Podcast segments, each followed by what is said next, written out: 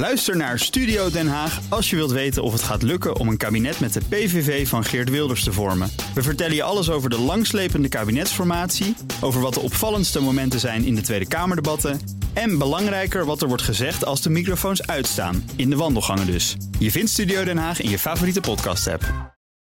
De column van Paul Lasseur. Het was de eerste week waarin iedereen weer, min of meer gewoon, naar kantoor mocht of werd geroepen. Meteen liep het uit op een totale verkeerschaos.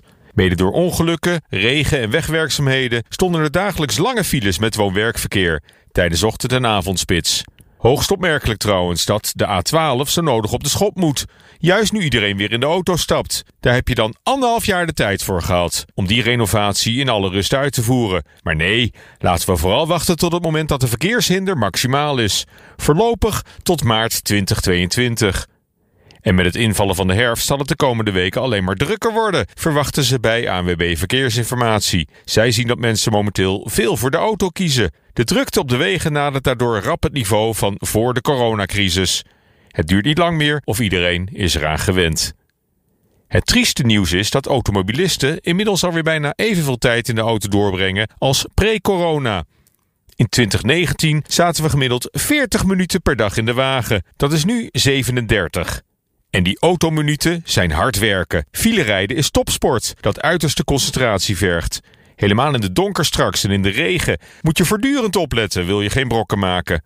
Helemaal als je ook nog eens alle binnenkomende berichten op je telefoon wil lezen. Iets wat bijna twee op de drie weggebruikers nog wel eens doen. Ook al vinden verreweg de meeste bestuurders de berichten die ze tijdens het rijden krijgen onbelangrijk. En al helemaal het risico van een dikke boete niet waard. Het blijkt maar moeilijk af te leren. Ruim de helft van hen gaat langzamer rijden of slingeren, mist een afslag of raakt zelfs bij een ongeluk betrokken. Maar past het gedrag niet aan. Toch nog even dan over die 37 minuten. Denk eens in hoeveel zinvoller of aangenamer je die tijd ook kan besteden. Ruim een half uur quality time per dag. Om door te brengen met je gezin, in bed of de sportschool.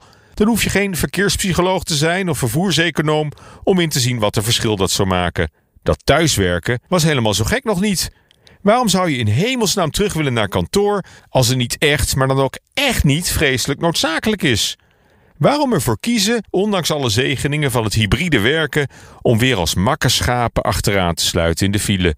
Wat een stumper ben je dan, om elke dag opnieuw in diezelfde geestdodende tredmolen te stappen, zonder een greintje trots of waardigheid. Denk eens na, mensen. Het is nergens voor nodig.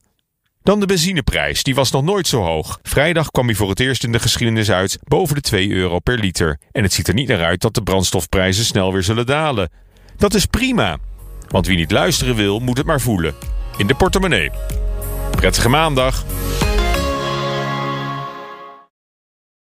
Ook Hugo Reitsma vind je in de BNR-app. Superhandig die BNR-app. Je kunt alle programma's live luisteren, breaking nieuwsmeldingen.